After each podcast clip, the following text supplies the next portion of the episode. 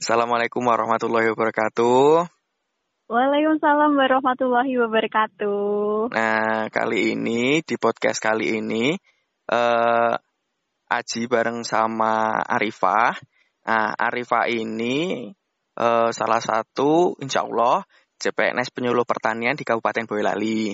Nah, dia juga uh, sekarang ini lagi merintis YouTube juga. Nah, yang menarik dari Arifah ini di awal perkenalan kami ternyata si Arifah ini waktu kuliah ya berapa ya terakhir tahun lalu apa ya apa ya apa dua tahun lalu Arifah ini jadi mawapres diploma di Universitas 11 Maret. Maret. Iya, betul kan? Iya, betul. Nah, jadi uh, aku jelasin dulu ya kenapa kok bisa kenal sama Arifah. Itu awalnya karena uh, aku itu kan uh, ya alhamdulillah juga insya Allah lolos. Nah, perlu informasi untuk uh, kayak tes kesehatan, kemudian SKCK kayak gitu kan perlu nyari yang di daerahku gitu kan. Jadi uh, aku ikut grup di Boyolali karena pastilah butuh SKCK pasti harus ke Boyolali kayak gitu. Nah, alhamdulillah aku gabung lah di situ dan aku ngaku pokoknya aku penyuluh pertanian gitu. Nah, si Arifa ini ngiranya sama-sama penyuluh pertanian di Boyolali padahal di Jatim kayak gitu iya, ceritanya. betul banget. Jadi sekarang Arifah lagi sibuk apa ya sekarang? Oh, kalau sibuk mah eh, nggak uh, terlalu banyak sih mas. Kalau saya ini saat ini sedang lebih banyak waktu di rumah, lebih banyak waktu sendiri. Jadi uh, bisa dikatakan untuk memperbaiki diri lah ya, walaupun sebenarnya belum maksimal. Tapi saat ini ya saya menekuni beberapa hal yang mungkin bisa saya terapkan untuk ke depannya. Salah satunya adalah membuat channel YouTube. Uh, sebenarnya udah lama banget sih untuk channel YouTube terbuat, tapi untuk konsisten ke arah untuk benar-benar dimatangkan itu baru saat ini gitu. Kalau hmm. untuk kesibukan lain sama ini sih beberapa kali sering mengikuti kegiatan penyuluhan, penyuluh ke petani dan ke desa-desa gitu sih. Mm -mm. Apa namanya itu kalau YouTube aku lihat memang kamu postingannya ada yang berapa bulan atau tahun lalu gitu. Terus ya, ada betul. yang postingan yang baru-baru yang kemarin aku apa itu komentarin itu yang masalah buku itu ya, yang baru ya, kamu kayaknya lagi banyak bikin konten itu. Terus kalau yang penyuluhan kenapa kok bisa caranya ikut jadi penyuluh pertanian itu gimana ceritanya? Jadi aku tuh iseng kenal sama penyuluh ke BPP kan waktu itu di salah satu BPP di Karanganyar, nah BPP Colomadu. Terus aku kenal sama bapaknya, terus uh, ya sekalian ngisi waktu sembari supaya siap sih berhadapan dengan masyarakat menjadi seorang penyuluh. Akhirnya aku diajak ikut kegiatannya penyuluh tapi itu juga baru aja kok. Paling be baru berapa minggu ya baru dua minggu yang lalu lah. Udah beberapa kali ikut sih tapi gitu. Seru banget sih jadi lebih banyak apa ya waktu untuk lebih tahu ke lapangan juga supaya nggak kaget aja. Nanti tuh ke lapangan tuh kayak gimana gitu sih. Kegiatannya apa aja nih yang udah pernah diikuti nih? Salah satunya kemarin tuh membuat media untuk tanaman anggur. Nah, itu seru banget kayak kita nyampur-nyampur media gitu ke ibu-ibu, terus panen lele di KWT. Rata-rata saya ikutnya di KWT sih Mas ke kom, apa kelompok wanita tani. Mm -hmm. Keren sih. Iya iya iya, wah keren banget sih. Jadi keren apa ya? Jadi kayak kayak punya pengalaman baru, ya IPA itu. Kalau terus tanaman anggur gitu kakakku juga lagi hobi tanaman anggur. Entah berapa oh, iya? ya entah Jupiter entah apa-apa gitu. Aku malah nggak terlalu ngikuti yang masalah itu. Ya sampai ke Jogja sampai kayak gitu-gitu dia. Nah, kemarin ibunya juga sampai ke Jogja ke Bantul ke kampung anggur.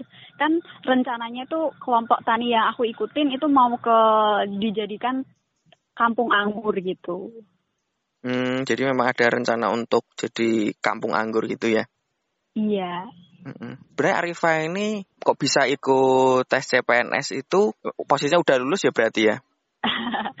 iya mas, jadi aku tuh lulus Oktober 2019.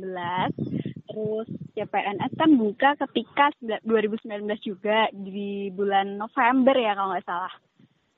Terus Nah. itu apa namanya itu posisi bulan apa itu tadi Oktober atau November lulus 2019 itu sebenarnya Eh. udah udah wisuda atau lulus ujian udah udah wisuda aku udah wisuda Jadi aku tuh udah lulusnya udah Mei kalau nggak salah. Cuman ambil eh Mei ap- eh pokoknya sidang sidang tuh Mei. Ya terus ya ada beberapa berkas gitu-gitu. Lalu wisudanya Oktober gitu sih. Kan kalau di UNS dua bulan sekali ya. Jadi harus ngikutin gitu. hmm ya pas lah ya berarti memang pas Hmm. banget lulus terus daftar gitu harus seandainya nih jadi Iya. prosesnya cepat nih pasti cepat banget udah selesai Hmm. tapi ternyata eh, satu Iya. tahun lebih loh bahkan ini prosesnya untuk Iya. sampai Gimana sih Hmm. komentarmu gimana ini? Apa yang kamu rasakan selama setahun ini, setahun lebih ini untuk proses ini gimana? Tahu. Kalau aku sih mungkin apa ya sangat panjang sekali eh, seleksinya memang. Karena ya dari wisuda jarak dari wisuda daftar terus sampai tes SKB itu yang bener. Kan harusnya tuh kan SKD kan Februari. Harusnya SKB itu kan Maret kalau nggak salah Maret atau April. Mei apa ya? ah Lupa aku lupa. Pokoknya aku ya, tuh waktu itu aku ada rencana proyek ke Kalimantan untuk Wow. pas SKB itu, tapi sama ibuku Wow. Mm. "Mm, janganlah jangan diambil gitu. Eh ternyata itunya nggak diambil, SKB-nya mundur. Udah lah ya. Oh, Belum rezeki tapi iya. alhamdulillah lah diganti yang lebih baik, insya Allah. Amin, pasti ya Mas ya namanya juga hidup. Nggak tahu juga sih, aku juga yo Maret atau April atau Mei, terus ditunda sampai akhirnya September ya Mas ya. Eh Agustus September lah kayaknya. September Oh, tanggal 27 sih kalau aku kemarin Wow. ujiannya. Satu atau dua gitu. Pokoknya Mm-mm. awal. Oh, awal banget kalau tanggal satu kan ujiannya tanggal Hmm. satu itu waktu itu. Mm-mm, awal banget. Hmm. Ya, gitulah. Kalau Mas Aji sibuk apa nih Mas? Kayaknya di rumah iya aktivitasnya bertani ya. Iya, alhamdulillah. Jadi Heeh, keren Aku banget tuh dong. bahkan untuk apa ya mau jadi penyuluh pertanian ya ini. Untuk ngasih pengertian untuk bu ayo nanam ini padi ini. Aku tuh aku tuh dari dulu udah punya keinginan untuk nanam padi hitam. Padi hitam yang Mm-mm. diiradiasi itu bukan sih? yang apa? Diiradiasi. hmm, enggak sih. Aku pokoknya aku beli aja. Ada kemarin tuh sebenarnya sempat awal-awal banget itu mahal banget karena yang aku cak karena aku nyarinya di internet itu dia itu cuma 50 biji harganya 150-an ribu Wah, Duh mahal banget ini karena dia kualitas untuk ini untuk breeding oh breeding. Untuk Berarti- breeding. Heeh. ya untuk pemuliaan terus aku nyari nyari nyari nyari ternyata di Bantul ada produknya itu eh satu kilo aku kemarin beli kalau nggak salah entah 35 atau 50 sekian gitu satu kilo. Wow. M- murah lah itu hitungannya murah banget. Oh, terus iya. aku udah ngasih ke ibuku ah ibu nanam ini gitu. Nggak mau nyari yang lain. Dan dan di rumahku itu udah ini kayaknya udah hampir satu tahun nggak panen. Nggak nggak panen di kebun di ini tuh karena tikusnya banyak banget. Kemudian kelompok tani di sini kurang ini ya nggak terjaga aktifannya Mm-mm. itu. Jadi di beberapa tempat memang bisa gropioan tapi di daerahku itu kemarin itu karena petaninya itu bukan petani yang 100% eh, fokus di pertanian. Ya kayak ibuku itu kan eh, nggak nggak ini ya tani cuma untuk hobi gitu kan. Jadi untuk ada gropioan untuk apa si tikus ini jadi kurang. Tapi alhamdulillah kayak insya Allah ini udah udah berkurang ini tanamannya udah mulai tumbuh alhamdulillah semoga lah panen lah ini walaupun beberapa juga udah mulai ada Amin. serangan-serangan gitu juga Ih, keren. Itu berarti yang padi hitam tadi ya, Mas ya? ya padi hitam aku baru nyoba nanam satu insya Allah dia itu satu satu kilo itu tadi Oh, Satu kilo itu ya. Mm-mm. Aku sebenarnya ngeri karena kalau beberapa jenis itu kan eh dia ada yang masa tumbuh sampai eh, panennya lama. Tapi Mm-mm. yang ini itu hitungannya genjah juga 110 hari. Setelah Oh, tanam insya Allah udah bisa panen. Jadi sama ini jadi sebenarnya dikombin. Karena karena totalnya itu ditanamnya 11 kilo apa ya? Ah, Nanamnya 11 kilo, tapi yang padi hitamnya sekilo aku nggak mau lah, nggak berani juga aku mau nyoba-nyoba langsung full gitu nanti kalau ada apa-apa aku ibu nggak mau percaya lagi sama aku harus ada trial dan errornya juga lah iya berapa meter mas luas lahannya jenengan? Ibuku tuh nanem di yang di kemusu itu berapa ya? Ah, dua puluh kali dua puluh mungkin. Gak tahu aku ukuran ukuran pastinya ya. Aku, aku ngomong satu satu kotak gitulah satu petak gitu. Ya lumayan lah itu lumayan. Nggak luas oh. banget tapi juga nggak kecil-kecil banget. Iya sangat lumayan untuk pembelajaran. Iya udah itu pokoknya sehari bisa seminggu itu kalau mau nyabutin rumputnya kalau sendirian itu terus ini uh, lanjut di selanjutnya ya mau nanya nih Arifah kan pasti linknya banyak teman-teman hmm. alumninya banyak apa namanya itu dosen juga banyak mungkin ngasih proyek-proyek atau gimana kenapa kok Arifah tertarik pengen jadi ASN sebenarnya kenapa sih? Wow, ini pertanyaan yang sangat apa ya berat ya nggak berat sih. Kalau aku memandangnya jadi kenapa aku memilih ASN? Karena menurut aku itu adalah suatu panggilan hidup dalam hidupku gitu. Iya. Jadi memang banyak sekali teman-teman yang bertanya mengapa pilih jadi PNS gitu. Tapi aku memandangnya ternyata setelah keberjalanan berlangsung hari demi hari, aku mendapati bahwa ternyata aku cocok di sini. Bu, sebenarnya bukan karena PNS-nya atau ASN-nya, tapi karena menjadi seorang penyuluh gitu, Mas. Jadi kalau dibandingkan apa ya, kalau melihat ke belakang, throwback uh, track record yang pernah aku buat, aku tuh pernah membuat fungsi dana bati gitu kan. Mm-hmm. Terus aku juga pernah ikut beberapa kegiatan pengabdian sosial masyarakat. Dan aku mm-hmm. apa ya perlahan untuk memahami ternyata memang aku ke depan akan sangat berkontribusi untuk di bidang pengabdian masyarakat mas gitu dan menjadi ASN kan salah satunya apa ya selain untuk kesejahteraan juga lebih ke pelayan masyarakat gitu fasilitator lah intinya apalagi untuk penyuluh sendiri. Penyuluh ini menurutku profesi yang sangat mulia. Jadi aku sangat apa ya tertarik begitu. Ada lowongan di penyuluh pertanian dan di Boyolali apalagi untuk daerahku sendiri. Jadi ya wah ini ya apa ya kayaknya cocok nih buat aku. Untuk memutuskan seperti itu tuh panjang banget mas prosesnya. Jadi aku tuh ya biasalah ya galau gitulah. Galau karena hmm, kenapa kok galau karena menjadi seorang fresh graduate langsung mm -hmm. memutuskan menjadi ASN tuh keputusan yang sangat berat karena artinya ketika memutuskan menjadi ASN berarti kita menutup kemungkinan untuk bekerja di sektor yang lain kan contoh sektor swasta atau mungkin profesional yang lain lah gitu jadi mm -hmm. menurutku itu apa ya keputusan nggak menutup sih kayak ibaratnya kayak seakan-akan ya ini keputusan sekali seumur hidup kalau sampai keterima ya. Oh, karena kayak nggak nggak mungkin udah keluar dari ASN nggak mungkin balik lagi gitu. Kayak udah jalan satu arah lah ibaratnya. Iya bener banget kayak gitu mas. Jadi aku ngerasa uh, harus dipikirkan matang-matang gitu. Sampai akhirnya dulu tuh aku juga pernah loh ke dinas pertanian buat mm -hmm. tanya penyuluh itu ngapain aja. Dan aku sadar pelahan sadar oh ternyata penyuluh seperti ini.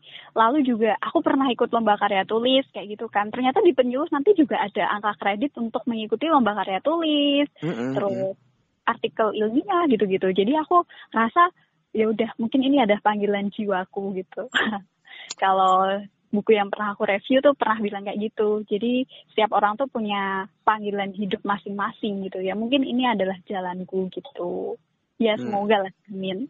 Iyalah harus harus apa ya iya. keputusan yang udah kita ambil kita harus apa ya ngambil konsekuensi itu ya kita harus seneng sama itu kan itu mm btw btw kan Mas Aji kan udah pernah kerja tuh. Nah itu aku juga penasaran loh sebenarnya Mas Aji kan udah kerja mm udah istilahnya udah matang lah udah mapan gitu. Kenapa memilih menjadi ASN dan kembali malah ke mana namanya ke Boyolali. Maksudnya mm kembali pulang ke Boyolali dan memilih di Jatim gitu. Kenapa Mas? Sebenarnya kenapa kok aku pengen jadi ASN sebenarnya awalnya adalah aku merasa hidup di sektor swasta itu ya memang di, di apa pun lah sebenarnya tidak ada yang pasti sebenarnya. Tapi yang jelas banyak pengalaman di swasta yang memberikan pelajaran buatku bahwa eh, sebenarnya aku juga berterima kasih karena udah pernah pengalaman kerja di swasta, bertemu dengan orang-orang yang luar biasa juga.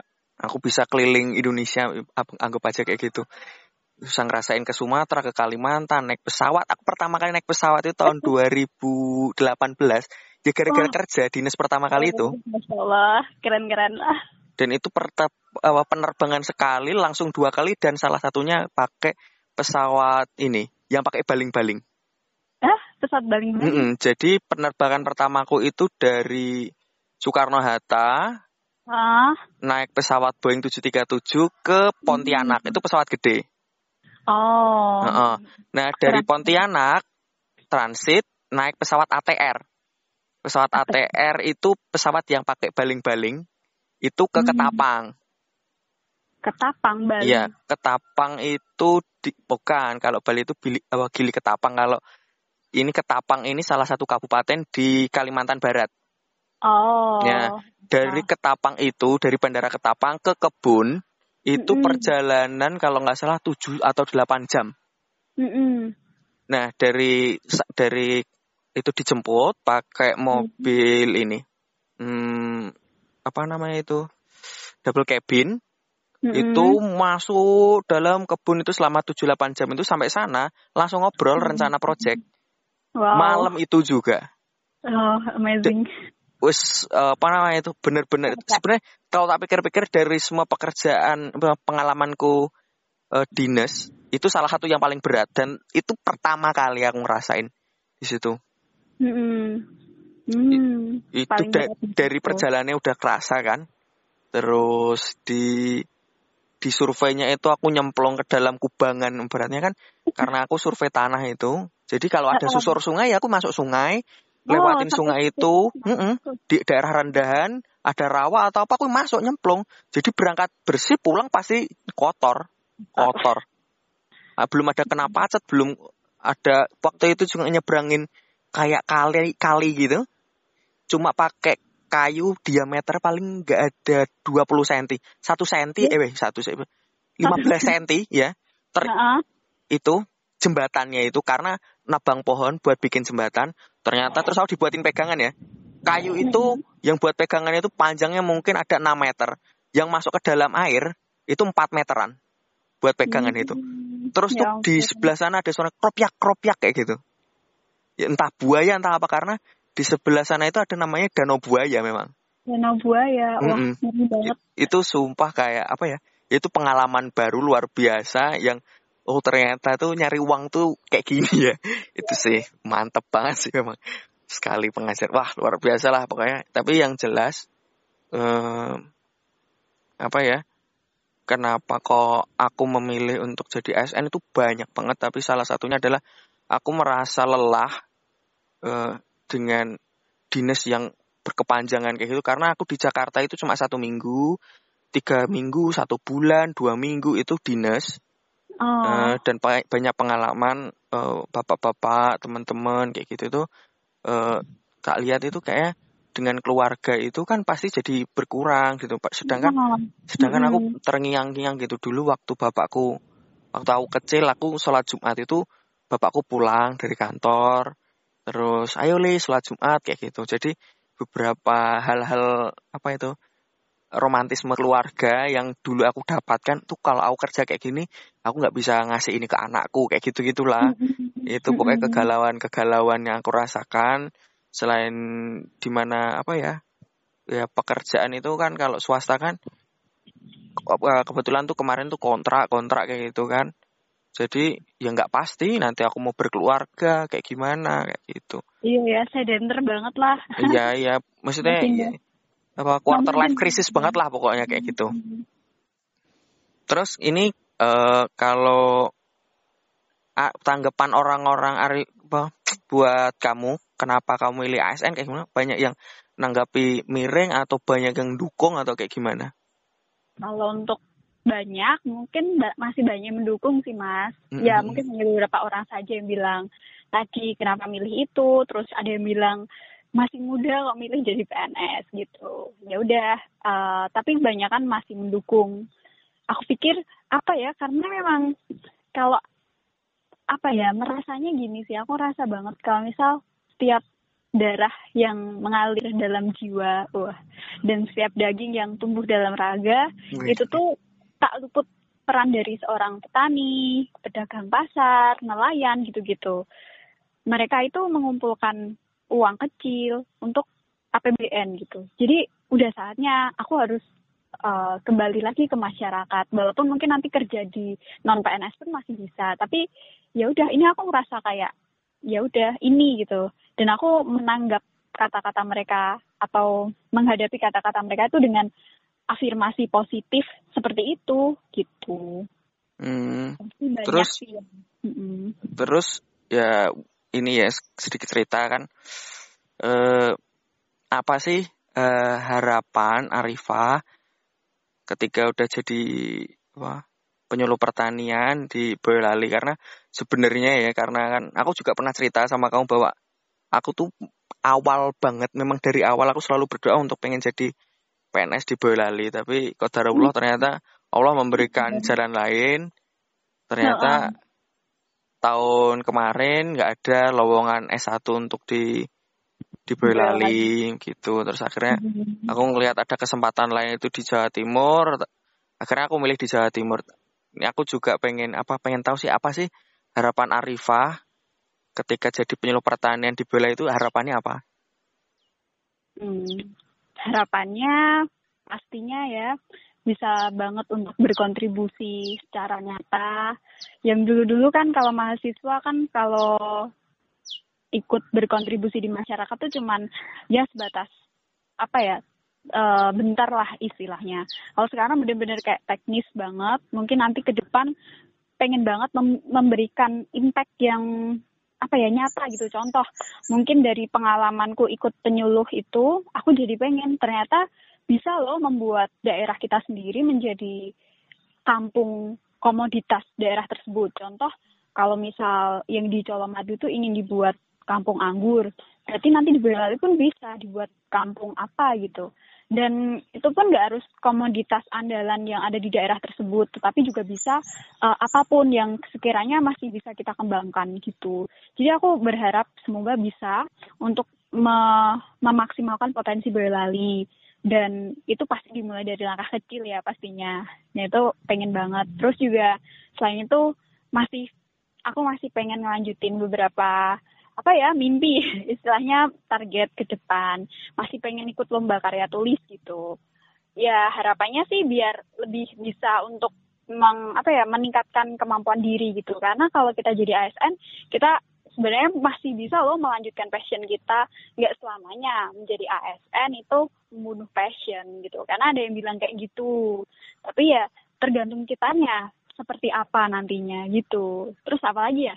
Harapannya sih lebih bisa berkontribusi sih mas. Itu aja. Eh, ini ada pertanyaan terakhir. Eh, insya Allah untuk menutup obrolan kita kali ini. Eh, kita maksudnya aku pengen nanya nih Arifah apa aja sih kiat sukses Arifah untuk bisa lolos di seleksi CPNS ini kan tes pertama ya buat Arifah.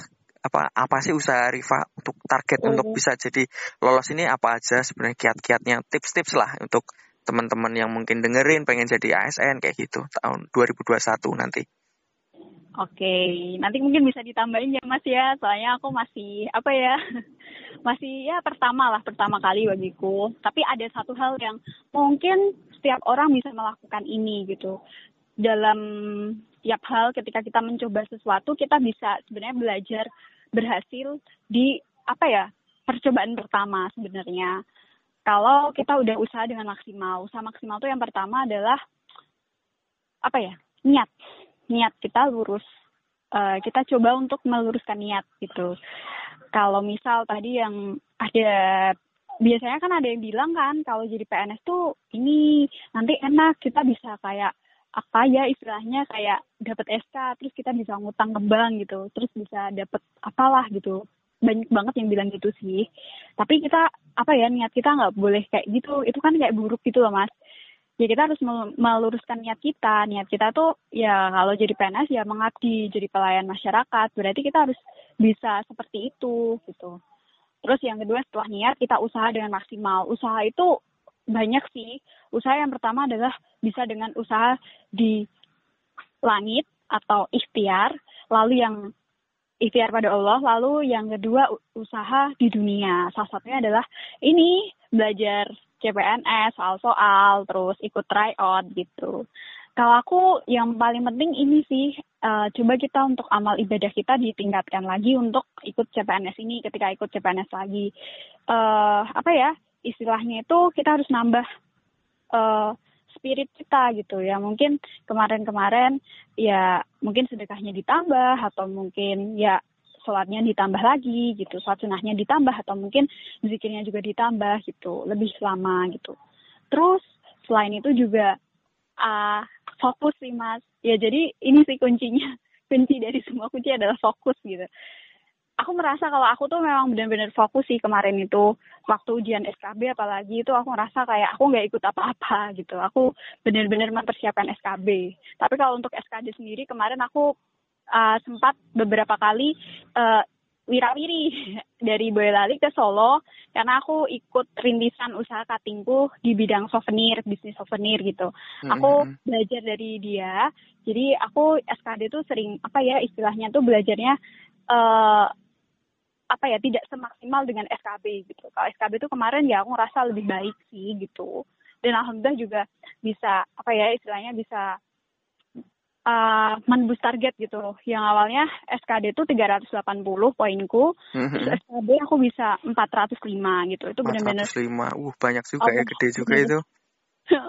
ya Allah itu yang ngasih semuanya aku juga nggak nyangka sih mas bisa bisa segitu tapi ya benar-benar sih semua ini pasti ada peran dari uh, ada prinsip sih ada prinsip gini jadi jangan lupa untuk minta doa orang tua juga jadi ketika ridho Allah itu terletak berada pada ridho orang tua. Jadi kalau kita udah megang ridho orang tua, kita udah megang ridho Allah, maka semesta pun akan dengan ajaibnya mengabulkan doa kita gitu. Gitu. Aku punya prinsip itu gara-gara pernah dikasih tahu oleh katingku sendiri dan itu benar-benar terjadi juga gitu dalam hidupku. Ajaib banget gitu kalau dipikir-pikir mana bisa aku aku aja pas ujian tuh kayak oh ini kayak susah banget gitu soal-soalnya. Tapi ternyata ya Allah mampukan gitu. Jadi kembali lagi ke diri kita. Kita harus apa ya semangat lah intinya gitu. Hmm gitu. Jadi dari yang dijelasin Arifah tadi itu aku sekalian nambahin plus sekalian apa ya namanya rangkum lah. Karena kondisi yang masalah tips and tricks itu bener-bener ngena juga ke aku sih. Yang pertama uh, ini kan sebenarnya ini kan aku ikut untuk yang ketiga kalinya 2000, oh, dua, kali. Ya, 2017 aku baru lulus, belum hmm. wisuda, aku udah ngambil ijazah untuk daftar 2017. Oh. 2017 tuh aku gagal di administrasi. Uh, nekat banget sih emang. Yeah. Aku gagal di administrasi karena aku apa ya, nggak nggak benar-benar serius gitu loh, memahami perintah, memahami ini, nggak sharing sama teman-teman yang lain ya. Mm-hmm. Ternyata itu waktu itu kan belum pernah ada yang namanya akreditasi akreditasi. Nah, mm-hmm. aku tuh nggak tahu ternyata akredita akreditasi program studi itu uh, ada gitu barangnya, ada file scan scanannya kayak gitu. Tapi harus minta ke jurusan dan aku nggak tahu aku diem diem mm-hmm. karena aku tuh merasa waktu itu ceritanya itu aku lulus duluan jadi kalau aku mau nanya teman-teman yang lain ya siapa yang mau ditanyain orang teman-temanku hmm. belum lulus kayak gitu jadi paham, dan, paham. dan aku kayak merasa sungkan gitu sih sebenarnya. Dan itu aku menyadari dan waktu itu sebenarnya niatku juga nggak terlalu serius-serius banget waktu itu karena aku waktu itu aku daftarnya tahun 2017 itu cuma ada uh, kementerian. Hmm, kementerian. Kementerian. Hmm. Jadi aku tuh salah pencet. Sumpah itu 2017 itu parah banget itu benar-benar. Bisa salah pencet ya Mas ya? Iya, salah pencet dan salah pencetnya itu fatal. 2017 hmm. itu antara Kementerian Kehutanan sama Kementerian Pertanian dan beberapa kementerian tuh ada yang namanya non SSCN. Hmm. Jadi ketika aku aku kan pengen ngecek tuh ah pertanian, oh pertanian adanya di Jakarta, ada di sini. Terus aku pengen ngecek bin, oh bin ada. Ternyata uh keren ini kayak jadi intelijen gitu pikirku. Sumpah itu pikiranku tuh masih childish banget lah. keren ini kayak bin ah ngeceklah kehutanan. Padahal tuh ya di lampiran kehutanan itu jelas ada formasinya di mana aja. Mm-mm. terus aku tuh ngeklik si kehutanan. Pengen ngecek nih formasinya ada apa aja. Tes langsung. Selamat anda terdaftar di Kementerian Kehutanan. Move ke websitenya Kementerian Kehutanan non non SSCN mampus. Mm. mati aku mau daftar apa ini udah nggak bisa ke kementerian ke lain harus ke kehutanan apa coba kan gitu. Ternyata satu-satunya yang bisa aku daftar itu jadi polisi hutan. Oh. dari polisi hutan terus yang paling deket itu di Surabaya di Bandara Juanda deket Bandara Juanda. tapi itu arealnya itu Jawa Bali. Sumpah itu Hmm. nggak tahu lah aku kalau aduh apa ya mesti panjang sekali itu prosesnya. Jadi tapi ternyata langsung digagalkan di administrasi terus aku itu aku sudah bulan Ok- No- Oktober November aku lupa terus Oktober. heeh, Hmm. Desember akhir itu aku akhirnya berangkat ke Jakarta sebenarnya udah proses Mm-mm. Terus pokoknya Januari tanggal 1 tanggal 2 lah, tanggal 2 Januari 2018 itu aku udah kerja di Jakarta. Dalam kontrak 6 bulan sebenarnya cuman untuk 6 bulan tapi karena perpanjang dan dan lain hal akhirnya aku bisa 2 tahun sampai di Jakarta itu.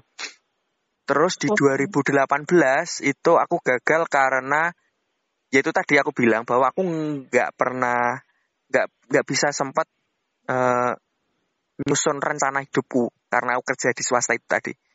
Karena seti aku mau mau ujian kapan nggak tahu kan, mepet-mepet kan Mm-mm. tes CPNS itu. Terus dinas itu Mm-mm. bisa dikasih tahu satu hari dua hari sebelum kita berangkat. Dan itu Wow. kayak dan kayak nggak ada ya paling ya mesti seminggu lah atau lima hari atau gimana. Tapi kalau ekstrim itu bisa satu dua hari itu kamu besok berangkat ya kayak gitu. Wow. Kayak gitu. Nah itu waktu itu aku ada dinas di Pekanbaru. Pekanbaru Riau. di. Pekanbaru Riau. Itu aku dinas selama satu bulan untuk aku jadi aku jadi supervisor di situ. Jadi ada teman-temanku baru baru masuk. Kebetulan aku udah lumayan lama di situ. Aku udah punya pengalaman. Terus aku diminta untuk jadi supervisor mereka untuk mendampingi mereka. Hmm. Nah, aku di di situ rencananya dua minggu, tapi di extend sampai hampir satu bulan. Nah, di dalam proses itu ternyata itu aku harus tes di Semarang, di, di Ungaran, di, di Wujil. Aku ingat banget itu, sumpah. Di Wujil, aku bingung mau gimana coba. Posisiku di Pekanbaru karena aku pengen banget dan aku tuh udah belajar dari lama. Jadi aku tuh Oh. sejak 2017 itu aku selalu belajar loh. Jadi ketika kerja ada waktu kosong gitu ya. Kan karena kerjaanku itu modelnya kayak ngerjain komputer, aku Hmm. ajuin ke atasanku, ke manajer ke, ke atasanku, nanti atasanku ngecek. Jadi ada spare time gitu ya. Ada waktu Hmm. di mana aku kosong. Itu aku sambil ini nyoret-nyoret ngerjain Hmm. soal-soal ini matematika. Yang Keren. TIU itu, sumpah itu sumpah bener-bener seniat itu. Kayak orang-orang tuh di kantor tuh kayak beberapa orang itu ngeh kalau aku tuh sebenarnya kayak orang edik apa ya? Kayak orang gila lah anggap aja gitu Hmm. untuk mengejar itu. Dan aku tuh dan selama proses aku mau tes yang 2018 itu sebenarnya hatiku tuh kayak deg-degan gitu. Aku aku cuma persiapanku kurang, jujur persiapan Hmm. kurang. Terus dan hati itu isinya nggak tenang. Karena Hmm. mikir ini gimana caranya pulang, aku nanti bisa pulang apa enggak, ini ujiannya kapan? Dan lain hal kayak gitu. Akhirnya mal besok aku ujian. Itu malam harinya apa gimana atau dua hari sebelum tuh aku negosiasi ke atasanku di Jakarta. Katanya aku boleh pulang tapi dengan syarat di eh, ada proyekku di satu desa udah bisa closing kayak gitu dan itu Hmm. bener-bener aku ngompakin temanku aku minta tolong untuk ayo kita usahain tanggal sekian udah selesai biar aku bisa pulang. Mm-mm. ternyata alhamdulillah bisa selesai. Hari itu aku minta mobil untuk ke eh, ke Riau. Jadi itu di aduh di nggak di pekan di Pekanbaru tapi desa banget itu. Lupa aku daerah mana. Itu aku minta diantar ke Riau gitu. Mobilnya nggak ada. Terus terus. tiket udah di tangan nih Tapi aku sebenarnya tiket itu belum belum yakin waktu itu sebenarnya. Udah tak bilang ya anu mobilnya udah pasti kan bisa ada apa enggak? Udah bisa ada bisa ada aku bilang gitu kan. Ternyata mobilnya nggak ada. Wah aku Mhm. mikir wah ini mau pesan taksi kayak gimana? Nggak bisa. Taksi dari Mhm. mana? Mau pesan atau kayak gimana? Aku mikir pokoknya aku mau negosiasi sampai aku bener-bener ngomong ke mau negosiasi ke bapak kepala desa di situ minta tolong untuk bapak aku minta tolong ada disediakan mobil biar aku bisa pulang gini gini gini. Aku udah wah udah luar biasa lah itu mikirnya itu. Eh, akhirnya malam itu kayak orang kabur. Kabur. jadi aku, kabur. Aku bawa tas ini carrier. Mm-mm. tas carrier aku minta tolong di situ eh, surveyor. Orang yang tinggal di situ temanku aku minta tolong. Anu namanya Arafik aku ingat.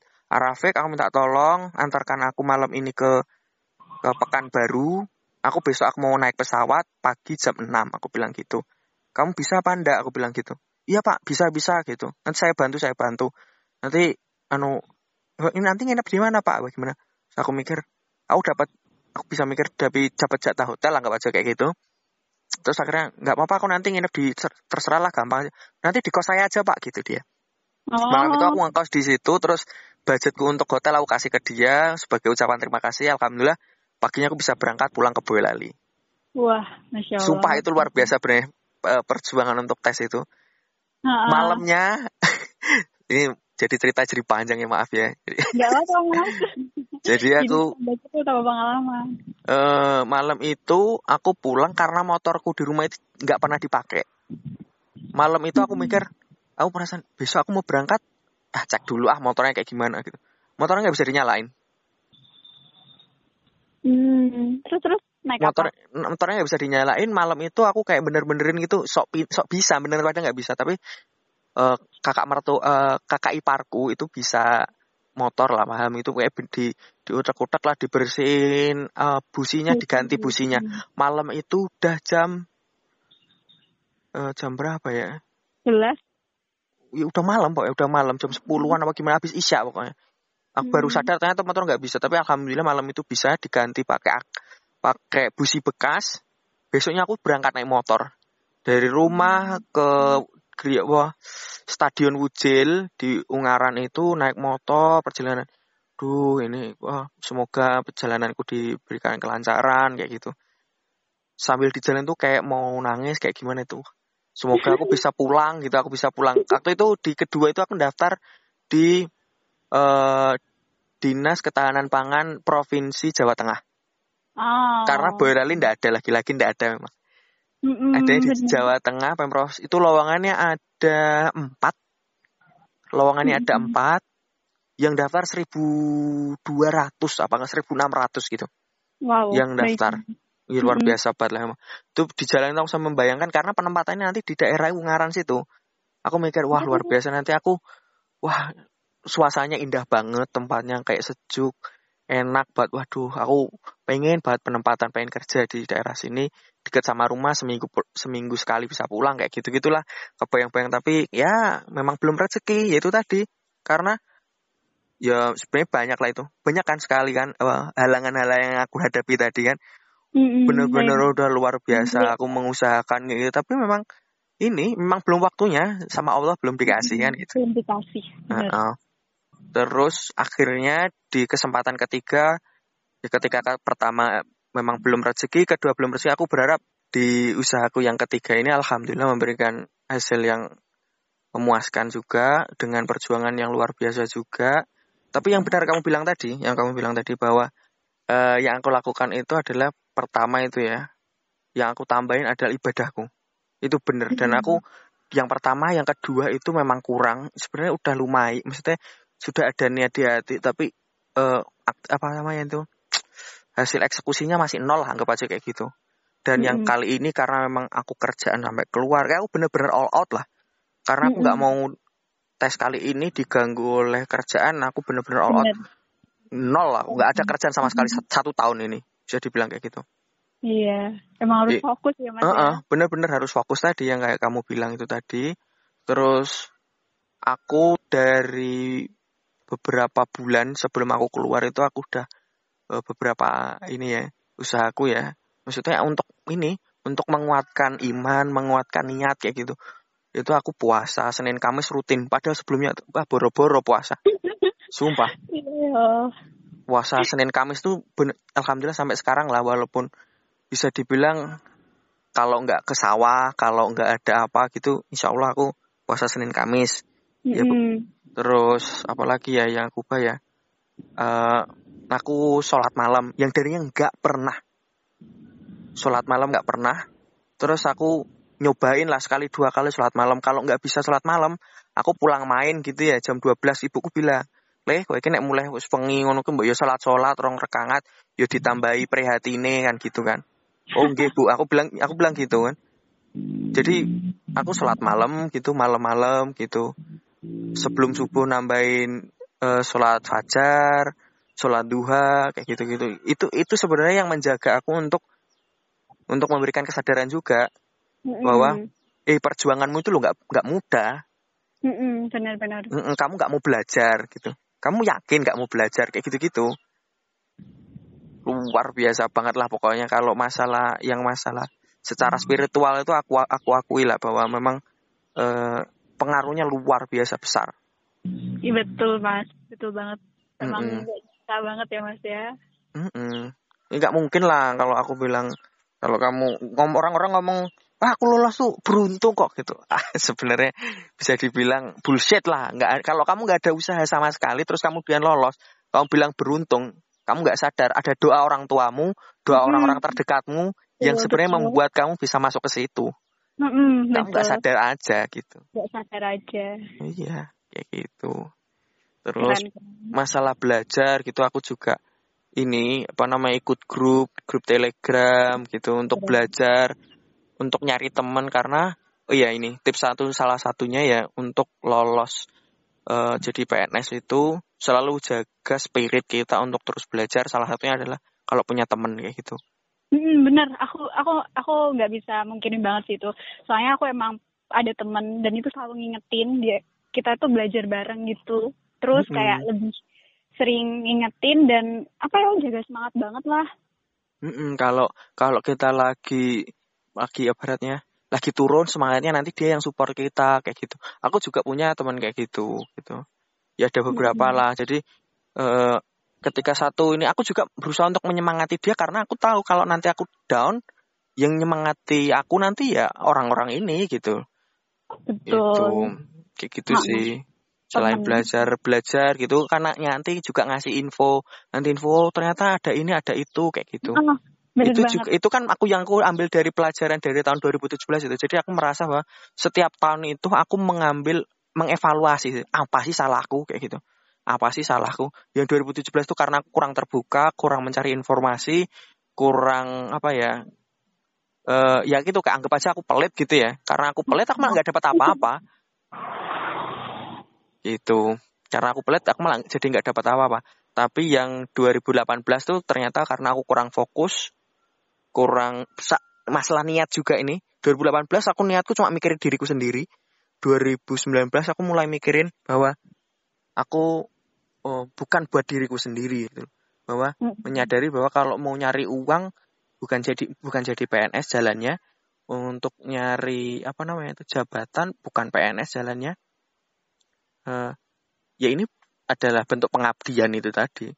Aku meluruskan niat itu yang paling penting. Dan itu yang bikin kita lega dan sadar bahwa nanti ketika jadi ASN jangan sampai alasan kita kok malas kerja itu karena duh aku dapat bayaran kok segini gitu karena waktu aku jadi swasta aku mikir kayak gitu. Karena apa? Karena aku banyak pekerjaanku yang aku mikir bahwa aku bekerja keras lebih banyak daripada yang aku yang daripada yang aku dapatkan kayak gitu dan ini untuk memperkaya orang lain.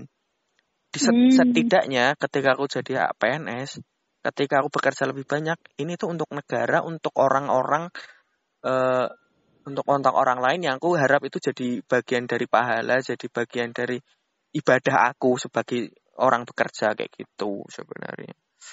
Ah kalau mau ngerunut hal-hal kayak gitu tuh banyak banget bisa habis lah waktu kita kayak gitu. Oke lah. ya, uh, kita tutup aja. Makasih buat Arifah, aku senang banget bisa ngobrol sama kamu. Ya, bisa kenal juga.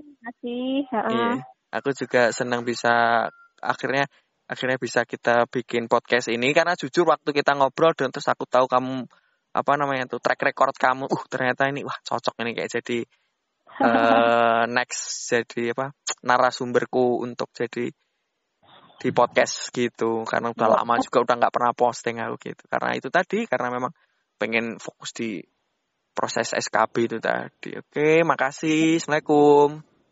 Waalaikumsalam. Terima kasih Mas Haji. Semoga bisa bermanfaat pada teman-teman semua. Ya, amin.